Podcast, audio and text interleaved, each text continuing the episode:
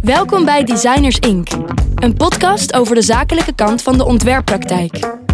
In Designers Inc. praat Roel Stavorines met ontwerpers over hun samenwerking met opdrachtgevers of met elkaar, over strategie, ontwikkeling en groei en over hun eigen positionering en zichtbaarheid. Kortom, Designers Inc. is een podcast voor jou, de ontwerper die vooruit wil.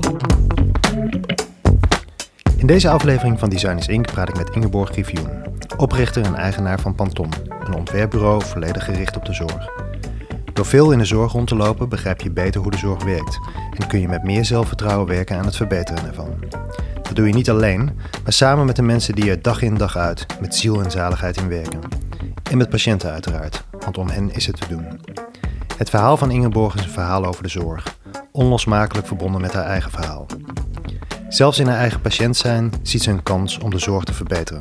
Het is een opgewekt verhaal, vol vertrouwen, liefde en verbondenheid. Wil je naar aanleiding van deze podcast meer weten over de zakelijke kant van de ontwerppraktijk? Of zoek je daar ondersteuning bij?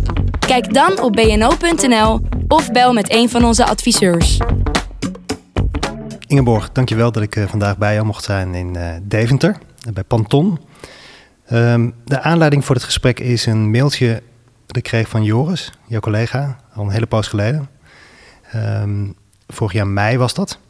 En hij zei tegen mij van jij moet echt een keer met Ingeborg praten um, over Panton. En over onze visie en die hebben we verwoord als Empower People to Overcome Health Challenges.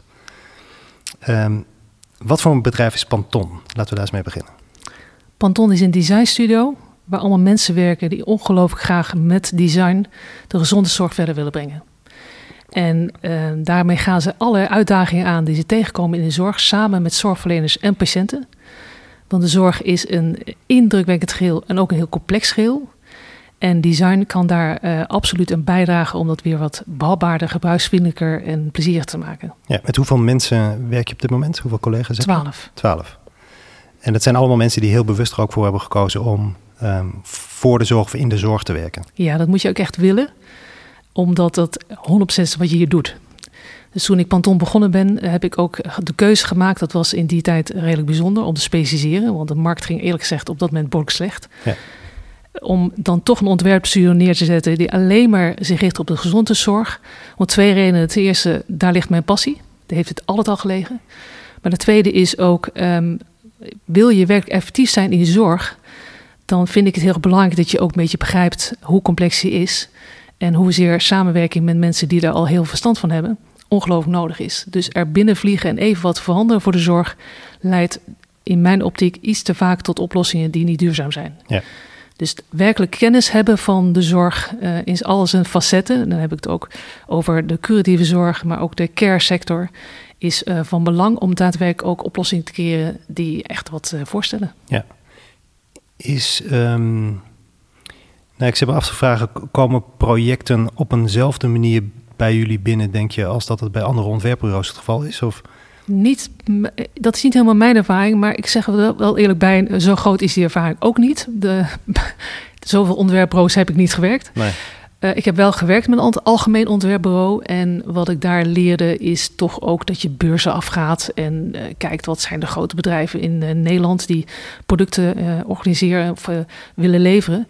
En dat is ook alweer aardig wat jaar geleden. Dus wellicht is al lang veranderd. Um, in ieder geval niet, niet onze aanpak. Onze aanpak is daadwerkelijk in de zorg rondlopen en daar mensen leren kennen en met hen meelopen en kijken waar ze tegenaan lopen. Ja. En dan uh, ja, gaan onze vingers jeuken om te komen helpen. Nou, hoe, hoe ziet het eruit in de zorg rondlopen? Dat betekent soms letterlijk dat, uh, dat wij uitgenodigd worden om eens een keer met een verpleegkundige een dagje mee te lopen. Ja. Kijk maar eens even wat ons werk inhoudt. Maar net zo goed uh, met een bestuurder om tafel zitten in een zorgcentrum. Of dat we ergens een lezing geven, omdat we bevlogen zijn over wat we gedaan hebben. En dat iemand zegt, komt dat nog steeds kijken hoe dat uh, misschien zou kunnen werken bij ons. Ja. Um, of dat we um, meegaan met uh, kinderen die in de knel komen en van hen leren wat er eigenlijk gaande is. En daarmee dus ook weer organisaties leren kennen die zich daarmee bezighouden. Um, heel gevarieerd uh, kan het zijn. het is altijd eerst beginnen met de verdieping. In plaats van dat wij zo'n nodige beurzen aflopen. Dat, is, dat past minder bij ons. Ja, dat is volgens mij de reden waarom ik die vraag stelde eigenlijk, is dat, het klinkt ook een beetje alsof dat los van concrete projecten al is. Is dat zo of niet? Soms worden wij gebeld met een concrete vraag, omdat onze opdrachtgever klaarblijkelijk al bedacht heeft dat dit een klus is voor een designstudio. Dat wil niet zeggen dat die klus dan ook zo heel goed bij ons past. Soms krijgen we een vraag waarbij we denken, nou, dat is eigenlijk gewoon een kopie van wat uh, iemand heeft gezien van eerder werk van ons. Wat heel geschikt was voor die eerdere klant, maar niet zozeer voor deze klant. Uh, waardoor we opnieuw op zoek moeten gaan waar eigenlijk deze klant zelf tegenaan loopt. Ja. Dat kan soms een flinke zoektocht uh, zijn die ook tijd kost. Ja. Maar soms um, uh, gaan onze vingers ook jeuken als ze meelopen. Als we zien wat er gebeurt in de praktijk. Ja. En zeker als je kijkt de afgelopen periode. Uh, de hele corona heeft natuurlijk gigantisch veel impact gehad op onze sector. Ja, dan gaan we meedenken. Kennen organisaties in de zorg jullie eigenlijk goed? Um, weet men wie jullie zijn en wat je voor hen kan doen? De zorg is gigantisch groot. Het is ja. alleen al hier in Deventer de grootste opdrachtgever ever. Dus ik zal zeker niet zeggen dat elke zorgverlener meteen Panton voor op zijn uh, puntje van zijn tong heeft. Maar bij heel veel ziekenhuizen zijn wel, wij wel bekend als designstudio die meerwaarde kan brengen. Ja, ja. En ook bij zorgcentra en ook bij uh, organisaties die zich bezighouden met de kerstsector. Hoe merk je dat die ultieme specialisatie voor de zorg goed voor jullie werkt en goed voor de zorg werkt? Twee vlakken. De eerste, hij werkt inderdaad voor ons goed, omdat het ons het zelfvertrouwen geeft om dingen te veranderen. Um, ik vergelijk het wel eens een keer met het orkest. Als je uh, zorgverleners hebt die je uh, even beschouwt als muziek, ik ben zelf een amateur muzikus, dus dat vind ik een fijne vergelijking, die al jarenlang getraind zijn in een bepaald vak. En daar excellent in zijn geworden. En dan kom je binnenvliegen en zegt: Kom maar, zullen het eens een keer helemaal anders doen? Dan loop je uh, het risico dat je misschien wel een heel leuk idee komt, maar dat de zorg dan niet per direct beter van wordt. Laat staan het effect voor de patiënt. Dus eerst respect hebben voor wat er allemaal al opgebouwd is aan kennis, aan expertise, vind ik een absolute startpunt.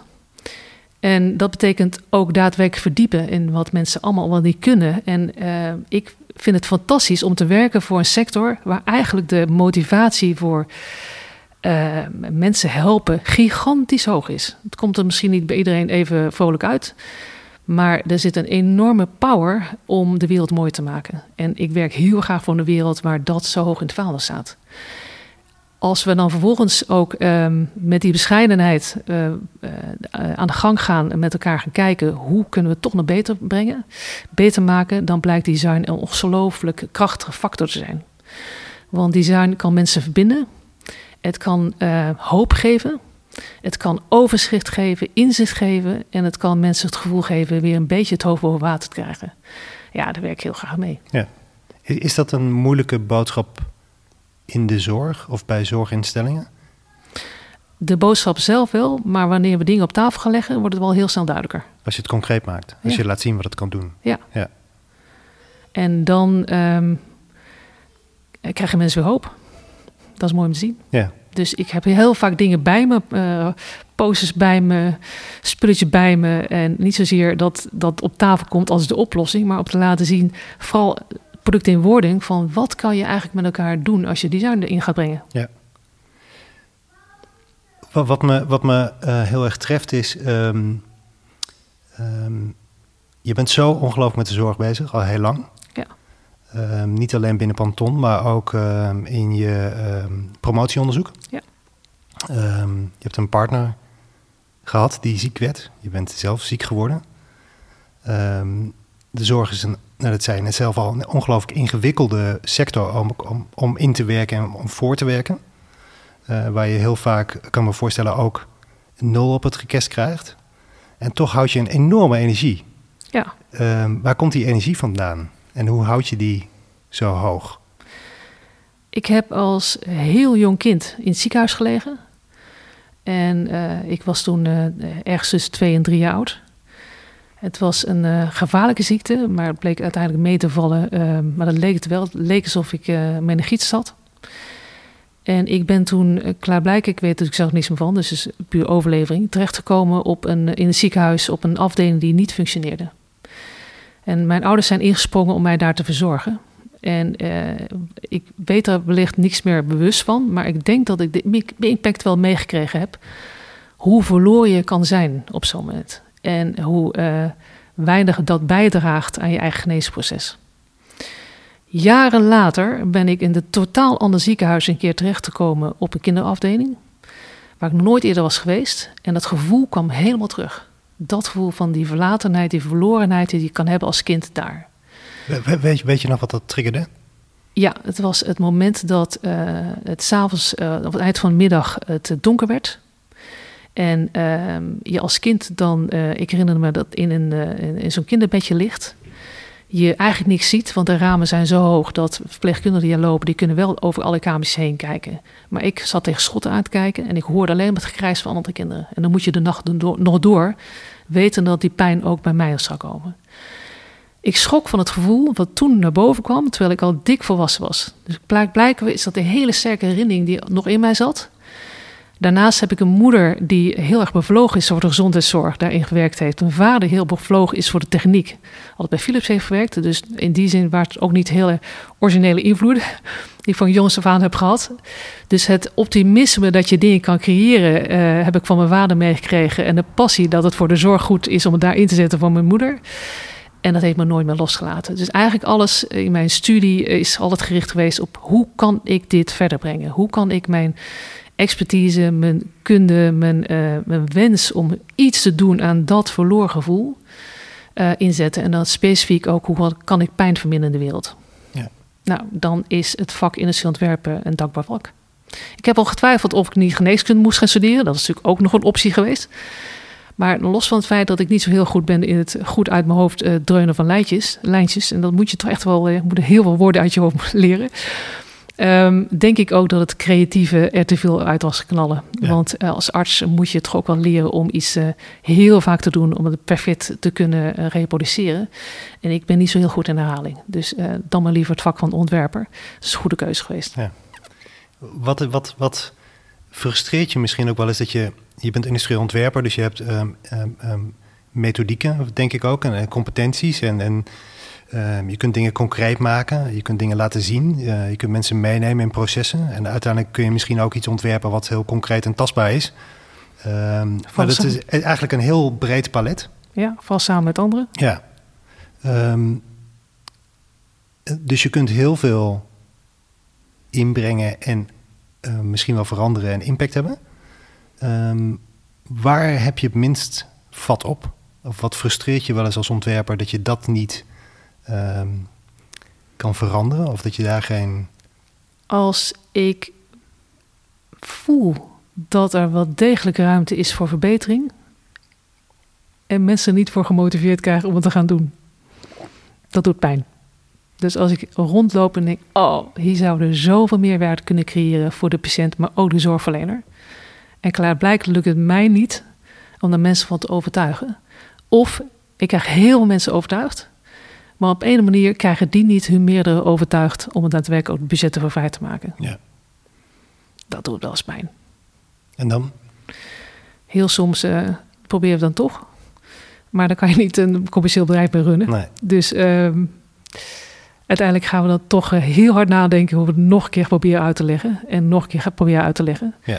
En soms uh, lukt dat. Hoe kijk jij vanuit um, jouw visie op Panton, jouw visie op het domein waar je graag een rol speelt, naar andere ontwerpers of andere ontwerpdomeinen? Daar heb ik niet zozeer specifieke mening over. het komt ook, mijn focus ligt natuurlijk 100% op zorg. Ja. Um, ik zie uh, prachtige toonaangevende ontwerpstudio's. Ik heb er ook bij eentje mogen werken. Maar ik merkte dat um, het werken aan allerlei producten voor andere uh, diensten daar haal ik niet de bevoegdheid uit. En los van het feit dat ik zo ontzettend veel werk nog zie zitten in zorg. En uh, zo blij ben dat ik elke keer mensen om me heen weet te verzamelen die dat ook delen en daar ook voor willen inzetten. Ja, ja dat is, uh, daar is nog zoveel te doen dat ik denk, ja, ik heb niet zozeer de behoefte om dan andere markten te richten. En fijn dat er andere ontwerpers zijn die dat doen, weer voor ons doen. Want dan maken ze met elkaar de wereld wel mooi van. Ik kan er namelijk intens van genieten als ik zie dat in de openbare ruimte er mooie dingen gebeuren. Als er prachtige andere producten komen, mooie services komen. Waar ik dan weer als consument gebruik van kan maken. Dus daar ben ik ze zeer dankbaar voor. Mijn stil is zorg. Ja. Je bent Panton gestart in 2005. Ja. Ehm, hoe is de ontwikkeling van het bureau gegaan in die jaren? Dat was best besluit van mij in 2005 om daarna daarmee te beginnen. Ik altijd heel blij mee. En het beeld wat ik toen had, heb ik gelukkig wel eh, losgelaten met dank aan de collega's die ik kreeg. Want ik zat toen nog heel duidelijk op beeld dat het producten waren. En diep in mijn hart boeit me eigenlijk heel veel producten niet zozeer. Nee. Um, en ik heb uh, mede door uh, de mensen die kwamen werken bij Ponton geleerd dat je design zoveel breder kan inzetten. En soms uh, waren er projecten waarbij we een puzzel aangingen die we ter plekke met het team in de zorg in een dag konden oplossen. En dan ging ik helemaal, helemaal blij naar huis. En soms waren projecten die wel jaren kosten, omdat de hele afdeling over de schop moest. Um, en allebei was mooi. Uh, dus van producten naar meer services, naar wat je ook kan doen door puur niet zozeer een eindproduct te ontwikkelen, maar tussenproducten, waardoor mensen weer uh, met elkaar verbonden raken en begrijpen waar ze mee bezig zijn. Ja, dat heb ik net zo prachtig gevonden. En daar zijn mij door de collega's wel, de, mijn toenmalige combion, maar ook alle andere collega's in bij zich gekomen, de ogen geopend, wat dat allemaal kan. Ja. Je bent um, Panton in 2005 gestart. Um, veel later werd je partner ziek. Ja. Um, toen kon je niet meer 100% focussen op Panton. Ja. Maar toen werd je ook op een hele andere manier in die zorg getrokken. Ja. Uh, nou ja, eigenlijk misschien wel een beetje weer hetzelfde als uh, uh, hoe je je leven ooit begonnen bent als heel klein kind. wat heeft dat met jouw visie gedaan? Of wat, wat heb je in die periode geleerd over je eigen vakgebied en over Panton en over de zorg? Dat was inderdaad eind 2016. En daar vlak voor kreeg ik het aanbod om een visiting professor te worden aan de TU Delft. En um, ik vroeg toen, wat houdt het eerlijk gezegd in? Ik had geen flauw idee. Klonk prachtig. En ik begreep dat het een mogelijkheid was om één dag in de week uh, echt werk in te verdiepen. Nou, dat leek me feest, want ik had een uh, duidelijke managementtaak. En dat is ook wel een beetje een rode draad geweest in mijn carrière. Ik ben direct na mijn afstuderen uh, wel geteld twee maanden ontwerper geweest. En toen werd ik projectleider. Nou, dat kwam eenmaal op mijn pad. Dus ik heb jarenlang al het gevoel gehad dat mijn rol met name was ervoor te zorgen dat andere ontwerpers konden excelleren. Uh, letterlijk ben ik hier bij een klant in uh, Scandinavië, waar ik op bezoek was samen met een collega ontwerper, geïntroduceerd als: Dit is een briljante ontwerper, dat was mijn collega dan. En dit is Ingeborg die er is, zodat hij briljante ontwerp kan maken. En ik was ook intens gelukkig met die rol. Dat is namelijk een hele mooie rol, als je dat voor elkaar kunt krijgen. Ja, vrij uh, wezenlijk ook. Ja, vrij ja. wezenlijk, absoluut. En heb dat ook heel erg gedaan. En heb echt veel later pas ontdekt dat het, um, het team van ontwerpers natuurlijk een enorm divers team is. Met ieder zijn eigen specialisaties. En dat het ook wel handig is dat ik zelf ook uh, mijn eigen ontwerpkwaliteiten daarbij inzet waar mijn collega's van zeiden, nou, hartstikke welkom. Um, ik ben zeker niet de uh, ontwerper binnen Panton. Daar zitten gelukkig mensen die dat allemaal veel beter kunnen. Maar ik zet wel ontwerpskills in, uh, in het team. En de kans om als visiting professor aan de gang te gaan... bleek ook van mij dat ik even kon afstappen van de echte hardcore management taken, zou je kunnen zeggen. Um, wat ook inspirationeel, inspirationeel uh, leiderschap is overigens, maar um, ook heel veel praktische dingen inschreef. En ik wilde toen heel graag die kans benutten om het te verdiepen in de vragen waar ik al de hele tijd last van had, namelijk hoe worden complexe besluiten in de zorg eigenlijk genomen? En wat kan ik als designer daaraan doen? Er was toen al een flinke golf gaande in de wereld, waar gekeken werd naar hoe worden besluiten genomen over wel of niet een patiënt überhaupt te gaan behandelen. En ik dacht, daar kunnen we toch als designers mee, meer mee. En toen ik daar een tijdje mee bezig was, toen uh, bleek dat dat eigenlijk niet de bedoeling was van de visprofessor. ik was uh, beoogd om daar wat meer te gaan vertellen over wat ik allemaal deed als uh, ontwerper. en ik zat me heerlijk daarin te verdiepen. En toen zeiden ze, maar daar hebben we wel een ander woord voor. Dat heet namelijk promoveren. Ja, nou, prachtig, doe ik dat. Um, dus is het promotieonderzoek geworden. Wat ik meer ben gaan toeleggen op de vraag hoe um, kom je eigenlijk tot een goed besluit als patiënt en ook als zorgverlener dat in behandeltrek start. En die verdiepingsrol heeft mij ook wel heel erg geholpen om um, ook weer die contentkant te pakken. En hoe bijzonder was het dat ik toen op een gegeven moment alleen klap in mijn eigen case study viel toen mijn man dus ziek bleek. Dat was ook voor mijn promotor, die ik inmiddels gevonden had, redelijk verwarrend. Want um, logischerwijs. Want hoe kan je tegen mij dan zeggen... ja, jij zat bij dat gesprek, maar waarom heb je niet even doorgevraagd? Terwijl het allemaal natuurlijk zo beladen ook voor mij persoonlijk was. Ja. Groot van hen dat ze toch uh, kans hebben gezien om daarvoor open te staan. Want voor mij geldt altijd al, mijn hele leven is altijd al verweven geweest met uh, mijn privé situatie. Ik ben iemand die nogal gepassioneerd door leven gaat. ik vind het heel ingewikkeld om dingen in hokjes te zetten en te zeggen: dit is mijn werk en dit is dan weer privé. Dus voor mij loopt altijd alles om elkaar. Mensen mogen ook altijd s'avonds bellen. En ik ga overdag ook heerlijk naar IJssel toe om daar even te zitten. Uh, dus toen dit op mijn pad kwam, dacht ik, um, daar heb ik niet voor gekozen. Maar natuurlijk gaan we er met z'n allen van leren. En toen ben ik ook gegaan naar de eindverloren hoge leraar voor alvleesklierkanker in Rotterdam. Die, ehm, ik heb ook verteld van ja, ik heb nu een heel dossier samen met mijn man bijgehouden van alle ervaringen. Hoe ik als service designer naar kijk, maar hij ook. Dat kunnen we in de digitale prullenbak gooien. Of we kunnen met elkaar van leren. En hij zei: Het is zo evident dat jij dit wil doen om patiënten te helpen. Dat wil ik ook. Tuurlijk gaan we ervan leren. Ja. En dat heeft hij ook gedaan. Dat hebben we ook gedaan. Is het überhaupt een onderwerp geweest, uh, of een, een, een twijfel geweest of je daar voldoende afstand van kon hebben? Voor mij niet, maar natuurlijk wel voor mijn promotoren. Ja. Want dit is niet helemaal uh, makkelijke evidence-based maken als je het er zo tot over je oren zit. Ja maar wel kans toegezien. Het was best pittig om het traject eerst helemaal zelf mee te maken. En dat was echt, uh, ja, dat zijn hele moeilijke momenten geweest. Alphenschierkanker is een slopende ziekte. Hij is natuurlijk ook, uh, natuurlijk, hij is uiteindelijk ook aan overleden. En uh, enkele maanden daarna, ik bedoel, al mijn begeleiders zijn me alle tijd en ruimte gegeven, maar ik wilde er wat mee doen. Enkele maanden daarna heb ik allemaal patiënten gesproken die nog in dat uh, behandeltrek zaten. Ja die kreeg opeens een weduwe tegenover zich. En ik kon één gesprek zo'n beetje per dag aan dan was ik wel gevloerd. Want alles wat ze mij vertelden, daar wilde ik niet over mezelf hebben, maar het raakte me heel diep. En tegelijkertijd was het zo ontzettend goed om ook van die NS1-ervaringen die verbreding op te zoeken omdat je als designer nooit voor jezelf mag afderpen. En uh, meteen moet gaan wild openstaan ook voor de diversiteit van je eigen doelgroep. En ik had die verhalen nodig om te begrijpen hoe ik een oplossing kon creëren dat meer mensen helpt dan een Ingeborg Griffioen of haar man. Mm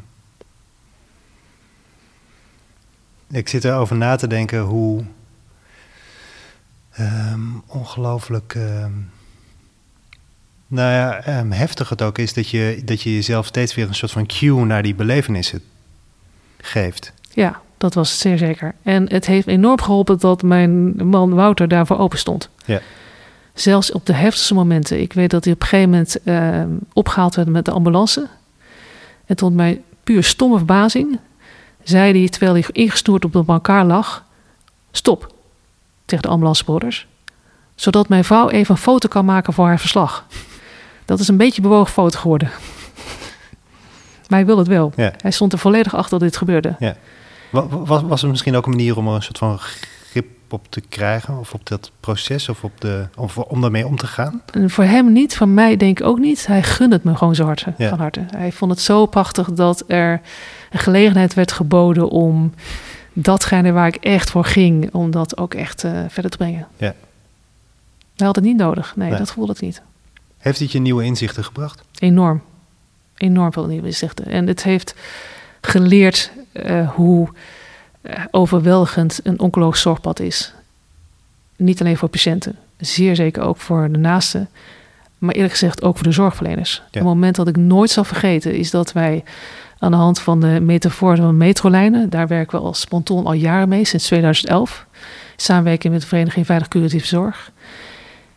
En we hebben, ik ben bezig geweest om het hele traject in kaart te brengen. Eerst op basis van de informatie die ons gegeven was. Nou, het is een schattig klein overzichtelijk lijntje. Zo zou het zorgpad zijn. En eh, als projectleider pakte ik daadwerkelijk mijn agenda en dacht: oké, zo lang zijn we dus bezig. Nou, ik kwam vrij snel van de koude kermis thuis, want die ziekte houdt zich uiteraard niet aan de planning. Maar vervolgens heb ik het werkelijk helemaal uitgewerkt. Wat alle stappen zijn die je als patiënt ernaast meemaakt. Ook om zelf grip te krijgen. Wat zijn de momenten dat we ook mee kunnen denken. En dat we ons kunnen voorbereiden op een volgende besluitvormingsmoment. Ja. ja. En um, toch is het ons meerdere keer overkomen dat wij ook te horen kregen: nee, nou moet u daarheen. Nee, nou moet u dat uh, bloedtestje weer gaan halen. En toen ik het helemaal uitgetekend had, wat een enorme bankrol is geworden, En neerlegde op laten de vloer van de kamer van de verantwoordelijke hoogleraar. Vroeg ik, wie gaat maar nu controleren? Dus wie gaat nu zeggen, nee hoor, die drie stappen die je daar getekend hebt, die kloppen gewoon niet. Je vergeet er nog vijf. Toen zei hij, er is niemand. Ja, er is niemand die het eigenlijk ook het overzicht heeft over het hele proces. Klopt. We zijn allemaal zo super gespecialiseerd in zo'n traject. Dat de patiënt eerst dit hele traject zijn eigen persoonlijke reis leert kennen. Terwijl als we daar daadwerkelijk ook de richtlijnen vormen, of volgen, dan uh, is er al meer bekend. En kunnen we dat ook van tevoren meegeven aan zowel um, patiënten, maar ook aan zorgverleners. Want die sessies die we toe gingen organiseren, waarbij al die verschillende zorgverleners met eigen specialisaties om tafel gingen en gingen kijken naar het proces, leverde direct ook verbetering van het proces op. Dat is wat design kan doen. Ja, ja dat vind ik prachtig. Um, en dan merk ik ook dat in de interviews ik allemaal verhalen hoor ik denk, uh, in heel veel details zit uh, ruimte voor verbetering. Om mensen veel meer het gevoel te geven dat ze gedragen worden door een heel zorgpad dat echt doordacht is. En daar hebben eerlijk gezegd niet alleen de patiënten en hun naast heel veel baat bij, maar ook heel veel zorgverleners. Ja. Want ook die zijn elke dag weer problemen aan het oplossen ten behoeve van die patiënt. Waarvan ik denk, ja, als designers kunnen we daar daadwerkelijk gewoon het zoveel soepeler maken. Niet wetende dat ik met die ervaring vervolgens ook nog een keer zelf aan de bak kon. Uh, dus toen ik uh, begin dit jaar, sorry, vorig jaar, in maart, opnieuw tot mijn stomme verbazing hoorde dat ik zelf kankerpatiënt was. Ik heb gek genoeg altijd gedacht, ik ga oud worden en geen kankerpatiënt worden. Um, toen heb ik het ook tegen het ziekenhuis gezegd. Er komt niet alleen een patiënt binnenlopen, maar ook iemand die uh, eigenaar is van de designstudio voor de zorg. En ook nog eens een keer aan het promoveren is op oncologische zorgpaden. En oh ja, ook nog eens een keer een heel traject heeft meegemaakt met een man. En ik kan dat niet allemaal hier buiten het poort van dit ziekenhuis houden. Dus dat loopt allemaal mee. En ik hoop dat we daar met z'n allen mee om kunnen gaan. Dus, oh, oh, dat, dat is op zich ook best ingewikkeld om dat bij die zorgverleners neer te leggen, toch? Volledig, ja. ja. En ik het is best intimiderend, kan ik me voorstellen. Dat, ik, uh, dat kan ik me voorstellen. Uh, ik heb geprobeerd het heel vriendelijk te brengen. Ja. maar ik kon het niet anders. Nee. Ik kan niet uh, mezelf daar buiten doorleggen en dan zeggen... ik ben nu alleen patiënt, want dan verlies ik mezelf. Ja. Dus ik heb het ongelooflijk fijn gevonden... dat ik elke keer ook weer zorgverleners trof... die bereid waren mee te denken. En dat ik dan ook weer ehm, uh, tussen ontwerpen op tafel kon leggen. Uh, samen met collega's gemaakt. En kon, aan u kon vragen: wat zou het nou voor u betekenen als u dit kon inzetten in uw praktijk? En dat ze dan ook eerlijk zeiden: Nou, dit vind ik helemaal niks, maar dit lijkt me echt fantastisch. Want dit gaat ons ontzettend veel tijd en communicatieproblemen op, uh, op voorkomen. als we dit in één klap gewoon goed uitgewerkt en uitgetekend hebben. Ja. En dat gaf me dan toch het gevoel dat zo'n moeilijk pad eh, wat uh, zo'n behandeling toch is, ergens ook weer waarde heeft. Dat, dat hielp mij wel om het vol te houden. Word je er nooit eens moe van? Waarvan? Nou, uh, ik ken de zorg ook een klein beetje van dichtbij. En um, wat ik net in het begin ook al even zei, is um, je vindt heel veel constructieve mensen die ook heel graag over hun eigen domein heen willen kijken. De zorg is volgens mij echt een wereld ook van specialismen. En, en, en, en uh, heel moeilijk om over die muurtjes van die specialisten heen te kijken. Um, ik kan me voorstellen dat je soms uh, drie stappen vooruit zet en, en vervolgens weer uh, vier achteruit. Ja. Um, um, ik kan me voorstellen dat dat. Nou, je, je kijkt volgens mij met heel veel positiviteit en energie naar. Ik kan me ook voorstellen dat je af en toe daar helemaal kriegel van wordt. De eerste les die ik kreeg toen ik ging studeren in Delft, van professor Buis is: jullie zijn de mensen die moeten leren omgaan met weerstand. Dat is een goede les. Ja. En dat klopt natuurlijk. Uh, ik denk als je niet kunt omgaan met weerstand, dan moet je dit vak zeker in de zorg niet gaan doen. En het heeft niks te maken met dat mensen uh, niet openstaan voor uh, oplossingen in de zorg. Maar wij zijn natuurlijk disruptief. En dat in een markt die ongelooflijk gespecialiseerd is, is gewoon ook gevaarlijk. Dus dat er een soort argwaan is tegen verandering, begrijp ik heel erg goed. Ja. En ik heb door de jaren heen geleerd dat ik drie soorten reacties kan krijgen. Uh, ik kom soms uh, mensen in de zorg tegen die zeggen: Ik wil ontzettend graag uh, dat dit verandert. En die zijn eigenlijk meest gebaat bij het kopiëren van iets wat een ander al gedaan heeft. Dus ze moeten helemaal niet gaan innoveren. Ze moeten vooral verbinden. Zorgen dat zij zelf contact komen met mensen die in dezelfde situatie zitten op een andere afdeling. Of een ander ziekenhuis. Of een ander deel van de zorgsector. En ehm, niet het leukste werk voor ontwerpers, maar wel dankbaar werk om ze dan met elkaar in contact te brengen. Ja. Dan heb je een tweede groep die ehm, heel erg graag alles evidence-based wil. En evidence-based is heel erg goed, maar niet noodzakelijkwijs hetzelfde als innovatie. Dus niet exploratief. En dan gaat er heel veel onderzoek aan vooraf. En die kijken me aan van, eh, weet je, tegen de tijd dat het helemaal ehm, eh, uitgedokterd is en helemaal onderzocht is. En ook mijn beroepsgroep er zich achter schaart, lijkt me een heel mooi idee. Er is een derde groep. En dat is een groep die zegt, dat gaat veel te langzaam. Want ik heb vandaag een patiënt die ik vandaag wil helpen. Dus als jij een idee hebt en ik geloof jou, dan wil ik wel eens weten hoe dat zou kunnen werken. Ja. Dat zijn de innovatoren. Dat is een klein clubje, dat begrijp ik ook heel goed. Ik denk dat als het een hele grote groep was, dat ik me ook een beetje geen zorgen maak over de zorgsector. Ja. maar dit zijn wel de mensen die ik nodig heb. En die we gelukkig wel gevonden hebben. Maar het is ook dus wel een flinke zoektocht altijd om die mensen te vinden. Ja, er zit volgens mij nog een dimensie aan dat, ehm, dat wat je in de ene zorginstelling doet op de ene plek in Nederland of waar dan ook ter wereld, is niet per se ook de beste oplossing voor een andere plek in Nederland. Meestal niet. Nee. Nee. En ze vragen ze soms wel, hè, hoor. dan willen ze gewoon echt letterlijk hetzelfde. Ja, Ehm, zelfs op het niveau van een stickertje wat ze ergens hebben gezien. Of een aanpak. Ehm, en dat is eigenlijk nooit effectief. Nee. Dus dat is lastig, want dan moeten we eerst weer drie stappen terug inderdaad... om uit te leggen dat de vraag die zij hebben... een hele goede, relevante vraag is en net iets anders. ja, want het is altijd contextueel. En het is altijd mensenwerk. Ja.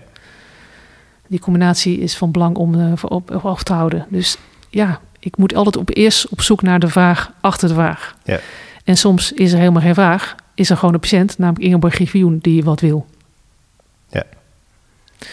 Dus ben ik hier ook vastgelopen? Ja, zeker. Ik heb eh, eh, een bandentrek al terug van eh, negen maanden. Waar ik meerdere mensen tegenkomen die heel graag ook gebruik willen maken van expertise. Maar ook natuurlijk gewoon druk bezig zijn met een vakgebied. En we hadden niet van tevoren besloten om groot innovatietraject op te zetten. Zij hebben gewoon besloten om de patiënt Ingeborg Griffioen te gaan behandelen. Ja. Dus dan is innoveren per definitie al disruptief. Ehm, en op een gegeven moment ehm, ben ik ook gaan zoeken naar wie is in staat om ook ehm, het verder te brengen. Wie krijgt dat mandaat ook in de organisatie? Ja. En dat gelukkig wel gevonden, maar dat was wel even zoeken. Kun je dat eh, iets verder uitleggen? Wat zo vanzelfsprekend als het voor ons ontwerpers is om morgen dingen anders te doen dan gisteren, zo eh, riskant is het vaak ook als je werkt in de zorgsector. Dus het is niet ver om dat te vragen aan zorgverleners. Eh, die zijn geacht om, en worden er letterlijk ook door ons als eh, publiek op afgerekend, om het precies zo te doen als we met elkaar ooit hebben afgesproken. Ja. Dus als ik daar binnenkom en zeg: Ik heb toch zo'n leuk idee, laten we het vanaf nu heel anders gaan doen, dan creëer ik weerstand. Dus het is voor mij ook van belang geweest om eerst met hem te toetsen, met de zorgverleners, dan heb ik het over verpleegkundigen, eh, eh, chirurgen, internisten, oncologen, radiotherapeuten, om van hen te leren, om vervolgens te kijken wie in deze organisatie heeft ook een mandaat, een rol gekregen om daadwerkelijk processen te gaan veranderen. Dat Ja. zijn twee verschillende functies. Ja.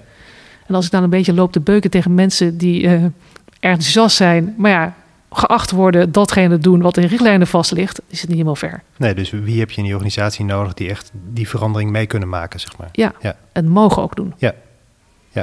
Ja, voor Want- wie het zelfs misschien hun taak is om dat te doen. Ja, precies. Terwijl eh, heel veel andere mensen meteen zeggen, dit wil ik heel erg graag. Ja. Maar ja, daar volgens niks mee kunnen. Omdat ze die rol in de organisatie ook niet hebben. En nu? Nu gaat het gebeuren. Ja, Ja, dat is wel mooi. Het wordt echt eh, opgepakt, de lessons learned. En ehm, dus een promotieonderzoek eh, heeft ook weer een bepaalde versnelling gekregen, juist door mijn eigen zorgpad. Ja. En dat maakt het voor mij wel weer wat draaglijker dat ik een zorgpad doorlopen heb. Ik denk, nou, ik had er liever niet voor gekozen, maar eh, we hebben toch wel weer heel veel kennis kunnen opdoen daarin. Ja. Het is wel weer rijker van geworden. Ehm, Dus metromapping gaat er wel degelijk door nu. ja. En zelfs, daar ben ik helemaal blij mee. Ze hebben besloten om in eh, eh, Rotterdam samenwerken met Leiden en met meerdere eh, universiteiten, ziekenhuizen en designstudio's in Europa een hele grote Horizon 2020 aanvraag te doen. Waarin metromapping ook een hele prominente rol vervult. En die is gehonoreerd. Dus Ja. niet alleen wordt het in Nederland uiteindelijk ook verder ontwikkeld. Maar ook wordt gekeken hoe werkt het dan in andere landen. Want daar is het ook weer totaal anders. Ja. En nog meemaken dat dat gaat gebeuren, ja, dat is uh, heel erg fijn nog even aan het eind van mijn leven. Hoe um, um, is er, uh, wordt er vanuit Panton beheerd of bewaakt of, of, of, of in de gaten gehouden? Of uh, namens jou, hoe gaat dat? Om krachtig te zijn op het gebied van metromapping. Metromapping is dus een, een, een methode om zorgpaden zo in te richten dat uh, patiënten, zorgverleners beter grip houden op het hele traject. Ja. Met name patiënten zich beter kunnen voorbereiden op uh, gedeelsbesluitvormingsmomenten. Waarbij we niet alleen kijken hoe ziet het traject in detail nou echt uit. Dus het doet recht aan de complexiteit van zijn zorgpad. Maar ook gekeken wordt naar informatie en ook teamsamenstelling in de context. Um, dat zijn complexe puzzels. Uh, en um, daarin speelt de visualisatie een, een hele belangrijke rol. Maar ben ik in ieder geval ook groot voorstander van dat er een bepaalde mate van stabilisatie en consistentie in is. Um, ik zeg er allebei, ja, Lego is sterk, omdat je weet dat Lego gewoon je altijd kan doorbouwen met anderen die ook Lego setjes hebben. Ja. Hetzelfde geldt natuurlijk, de metafoor en de metro zegt het zelf al. Pas toen ze in Londen ook daadwerkelijk de verschillende uh, uh, aanbieders van metrolijntjes werkelijk aan elkaar gingen knopen, werd het een systeem. Dus er zal een bepaalde startbeheerrol moeten zijn. Uh, wat ook betekent dat Ponton direct op zich heeft genomen om dat ook vrij te geven. Daar bedoel ik mee te zeggen. Er is een soort basisset gemaakt en dat wordt gevat in schablonen die iedereen kan vrij straks gaan, gaan gebruiken. Zodat we allemaal het hebben over dezelfde kleuren, dezelfde symbolen. Maar niet dat je er grof geld voor moet betalen om het te gebruiken. Zeg nog, we gaan het cadeau geven. Um, dat vind ik heel erg mooi, die lijn. Dus het betekent, het gaat door en het gaat echt ten behoeve van de samenwerking tussen verschillende zorginstellingen opgebouwd worden. En uiteindelijk zelfs over het grenzen heen in heel Europa. Ja. Die rol, die bewakersrol op het visueel vlak, moet iemand nemen. Die gaat Panton doen. Ja. Hoe gaat uh, Panton verder? Goed. En um, dat zeg ik uh, natuurlijk heel blij. Ja. Maar dat gevoel heb ik gelukkig ook. Ja. Uh, ik zie een team van mensen die diezelfde bewogenheid hebben om werkelijk impact te creëren voor de zorg. Waarbij het gaat om uh, werkelijk samenwerken, mensen in de zorg en uh, niet stoppen als je denkt dat dit misschien een gave opdracht heeft, met een gave design is, maar dat je denkt, maar wat gaan ze nou daar werkelijk mee doen? Ja.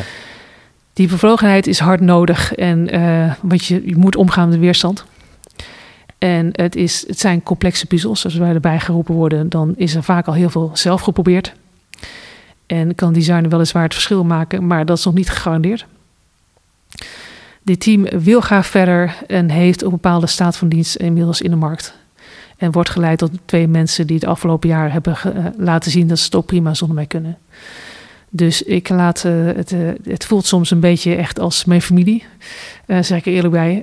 Um, maar ik laat ze wel in die zin met een gerust hart achter. Ja, je, je, je vertelde me net, ik vond het wel bijzonder dat eigenlijk, um, zeg maar, je de um, voortzetting van het bedrijf eigenlijk al veel langer geleden per ongeluk goed moest organiseren. Ja, toen mijn man ziek bleek, nog voordat werkelijk de diagnose 100% vaststond dat het alvleesklierkanker was, had hij zelf de conclusie getrokken. Had op internet gekeken en zei: Als er iets met mijn alvleesklier is, dan zijn er twee mogelijkheden: dat is een ontsteking of kanker. Ik herken de symptomen van de ontsteking niet. Dus hij trok er meteen de conclusie: dit gaat fout.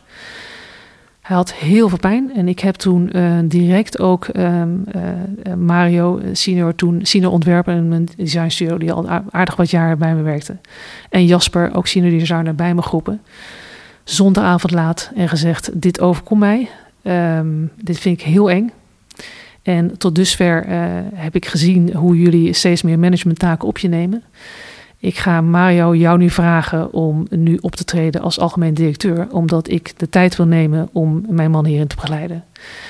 Dat was best een grote stap voor mij, want ik was in de familie en uh, vriendenkring al bekend als die dame die altijd werkte. Zeker nog, mensen in mijn straat kennen mij zo ongeveer niet. En altijd bezig met ponton. En uh, ik wist 100% zeker, nu wil ik bij hem zijn. En beide hebben gezegd, dan zetten we nu onze schouders onder. En dat was best pittig, want Mario kreeg dus in één keer op de taak van algemeen directeur. Uh, terwijl we nog ongeveer een beetje begonnen waren met een soort opleidingstraject. En Jasper kreeg de ingewikkelde taak om secondant te zijn, waardoor je helemaal flexibel moet zijn. Ja. Twee weken later heb ik uh, Mario bij me geroepen en gezegd: uh, Mario, um, hoe bevalt het? Want um, ik weet dat als je dit soort dingen doet en jij ook met jouw um, uh, inborst, jouw passie, dan groei je als een dolle. En uh, ik geloof er nooit in dat je mensen moet terugdrukken die aan het groeien zijn. Dus als jij dit uh, mooi vindt, dan is dat je nieuwe baan. En wat ik ga doen, dan los ik dan weer zelf op. En hij zei tegen mij: Ik vind het heel uitdagend, maar ik vind het wel heel gaaf. Ik zei: Nou, gefeliciteerd. Dan ben je nieuw algemeen directeur. En ik heb het ook meteen ingeschreven bij de Kamer van Koophandel. En uh, ik ben ongelooflijk blij dat inmiddels ook Jasper is ingeschreven als uh, directeur, gevolgmachtig directeur bij de Kamer van Koophandel. Het voelt als twee mensen die ja, door de omstandigheden een sprong hebben gemaakt, maar dat volledig hebben waargemaakt. En nu Panton gewoon trekken op een manier die ook weer gewoon beter is. Uh, dus in die zin zie ik een versterking. Ja. Uiteindelijk uh, denk ik dat je als, als oprichter ook gewoon heel erg goed ziet dat je bepaalde dingen heel goed kunt en bepaalde dingen ook gewoon niet. En dat het een feest is als je dan ziet dat er mensen opstaan die uh, op daar, die andere punten ook gewoon nog veel sterker zijn. En een bedrijf echt bestendig maken voor de toekomst. Ja. Ik vroeg Joris uh, naar um, um, wat er brengt um, Ingeborg in. En wat je, nou ja, of misschien wel heel erg gemist, of wat niet iemand zomaar kan overnemen. Het was, uh, hij kwam met het antwoord, uh, de enorme geduld in weerstand. En dat is wel mooi, want dat gaf je net zelf ook aan. om steeds maar door te gaan en mensen te betrekken en toch nog een keer extra te luisteren en toch nog een keer extra het gesprek aan te gaan. Um, maar als ik je zo hoor, dan, dan zit dat heel erg goed gevat eigenlijk in het hele bedrijf. Ja, ja maar ik denk dat het vermogen om te zien hoe ongelooflijk veel mooie mensen er rondlopen. En dus zorgt die barsten van. Maakt dat het helemaal niet zo moeilijk is om die uh, weerstand elke weer te overbruggen.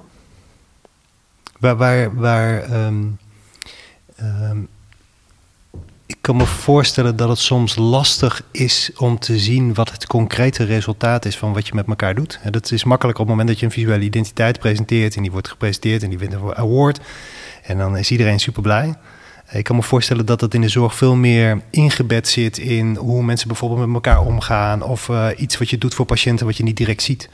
Klopt. Kijk, natuurlijk hebben wij ook heel veel concrete oplossingen, zoals een app waar mensen blij van worden, of ja. een nieuwe indeling van een, van een uh, ruimte, of een hele vleugel, of er zijn fysieke producten gekomen, of er zijn nieuwe service gekomen. Er zijn heel veel dingen die je ook echt kunt benoemen en zelfs ook tastbaar soms zijn. Ja. Maar er zijn ook projecten uh, waar ik net zo trots op ben, omdat ik weet dat een conflict op een afdeling wat drie jaar slepend is, gewoon door uh, de goede visualisatie en de goede begeleiding van opgelost is. Ja. Ja, dat gaat niet ergens in die designblad komen, maar dat boeit me ook eerlijk gezegd niet zo heer. Ik ben ongelooflijk blij, omdat ik weet dat er heel veel patiënten de dag daarna dat, daar wel de effecten van gaan merken. Ja. En um, ik vind het heel bijzonder dat juist design die rol dus ook kan vullen. Ja. Is het meetbaar? Nee, ja. Wat... Nee, maar ik vroeg me ook af hoe, hoe je dat binnen het team, zeg maar, uh, uh, zichtbaar maakt of zichtbaar houdt voor elkaar. Omdat het zo minder vraag. expliciet is. Ja, dat hoeven wij niet altijd te doen. Dat doen onze klanten voor ons. Ja. Uh, die warmte die wij dus terugkrijgen in kaartjes en cadeautjes en de blijdschap, die zie je er wel, echt wel terug. Ja. Dus dat maakt het ook wel heel mooi. Ja, die feedback krijg je ook, letterlijk. Ja. ja. Dat is de meest dankbare feedback eigenlijk die je kan krijgen. Absoluut. Toch? Want dan heb je het goed gedaan. Ja. Dus het zijn hele persoonlijke reacties die wij terugkrijgen. Ja. En uh, ik merk dat we die inderdaad ook met elkaar delen. Want diep in de hart is dat waar iedereen het hier bij Panton wel voor doet. Ja. Dat je echt ziet, mensen komen weer in een kracht. En mensen kunnen uh, weer vooruit. Want zeker de mensen waar wij heel graag mee werken, zijn mensen die zo ongelooflijk hun nek uitsteken. Omdat ze heel graag het beste willen doen voor de patiënt. Of patiënten zelf die heel graag mee willen werken om het voor andere patiënten beter te maken. En houden we wel eens ons hart vast. Dan denken, hoe lang houden ze het vol? En als je dan zo'n warme reactie krijgt nou, hierdoor houden we het vol. Ja, dan gaan wij ook weer door natuurlijk. Ja. Dankjewel voor dit gesprek. Heel graag gedaan. Dit was Designers Inc. Een podcast voor de ondernemende ontwerper die vooruit wil. Wil je reageren of heb je suggesties? Laat het ons dan weten via info@designersink.nl en volg ons op Spotify, zodat andere ontwerpers ons ook kunnen vinden. Designers Inc. is een initiatief van Roel Stavorines en de BNO en wordt mede mogelijk gemaakt door Roland Gele en het Pictorite Fonds.